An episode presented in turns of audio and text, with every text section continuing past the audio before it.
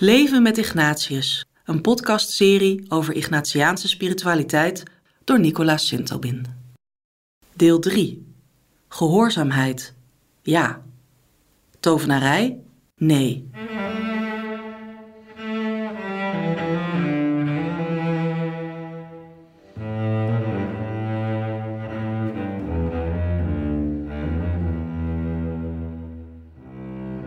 Ignatius ondergaat een radicale bekering. Dit wil niet zeggen dat de bekeerde edelman plots duidelijk wordt wat hij nu precies met zijn leven moet doen. We denken vaak dat roeping betekent dat God je tot in detail en meteen te kennen geeft wat hij van je verlangt. We hebben een nogal magische opvatting over gehoorzaamheid aan de geest van God. De ervaring van Ignatius van Loyola wijst een andere richting uit. Als Inigo na zijn genezing het ouderlijk kasteel verlaat, weet hij dat hij voortaan zijn hele leven ten dienste wil stellen van God. Hoe dit concreet moet gebeuren, is niet duidelijk. Tussen zijn verwonding en de stichting van de Sociëteit van Jezus liggen twintig jaar. Gedurende al die jaren gaat Ignatius maar stapje voor stapje vooruit in het onderscheiden van wat God van hem vraagt. Hij laat de uitkomst van zijn zoektocht helemaal open en heeft er geen idee van waar hij uiteindelijk zal uitkomen. Voor ons kan dit onaanvaardbaar lijken. Wij verlangen zekerheid, Laat me duidelijk zijn: plannen en organiseren zijn goede zaken. Ignatius was hierin een meester. Toch schuilt hier vaak een addertje onder het gras.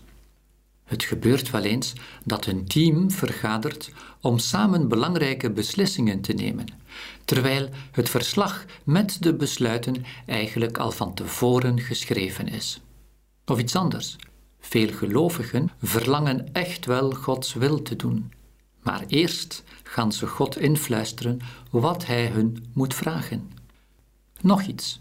We laten ons in de praktijk vaak op sleeptouw nemen door onze angst voor een onzekere toekomst. Dus gaan wij onze toekomst zoveel mogelijk zelf vormgeven, om die angst onder controle te houden. Probleem is echter dat angst geen goede raadgever is. Hoe verschillend is de houding van Ignatius? Zijn stap-voor-stap houding in de zoektocht naar wat God van hem vraagt, is geen uiting van negatieve aarzeling of van passiviteit. Integendeel, zijn houding is een bewuste keuze, een die voortvloeit uit zijn geloofservaring en het vertrouwen dat daarvan het gevolg is. Want Ignatius gelooft dat God op actieve wijze begaan is met het leven van elke mens, dus ook met zijn leven en handelen.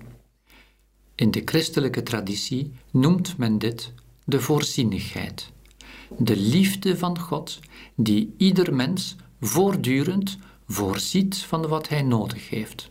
Ook al kan dit heel verschillend, preciezer, beter zijn dan wat de persoon in kwestie zelf had gedacht of gehoopt. Door zijn bekeringservaring is Ignatius gaan geloven dat hij op het spoor kan komen van wat God van hem verlangt. Daarvoor moet hij biddend God zoeken.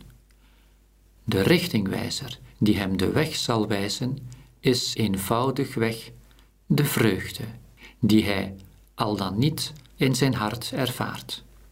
Daar waar hij vreugde vindt, die kant nodigt God hem uit te gaan. Een van de vruchten van die weg is het vertrouwen. Wie gelooft in een liefdevolle God, hoeft niets te vrezen. Die verlangt gewoon zijn leven toe te vertrouwen aan God. Niet het minst vanuit het geloof dat die grote God veel beter weet dan de beperkte mens welke de beste weg is om te bewandelen. Deze levenshouding van Ignatius stelt vragen aan ons, moderne mensen van de 21ste eeuw. Door zijn houding stelt hij ons immers de vraag waarin en hoe wij geloven. Geloof je echt in de God die Jezus openbaar maakt? Een voortdurend scheppende God die de mensen elk ogenblik van de dag en de nacht liefdevol nabij is. Ook jou.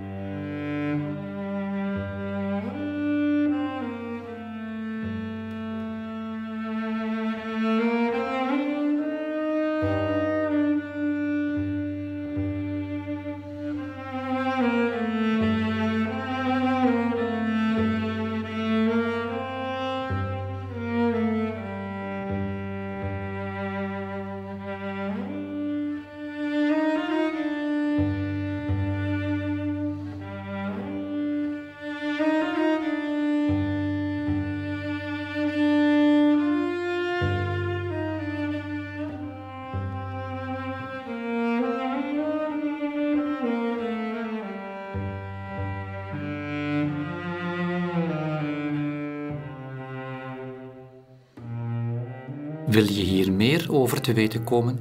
Lees dan het boek Leven met Ignatius op het kompas van de vreugde. Deze serie podcasts is een samenvatting van dit boek.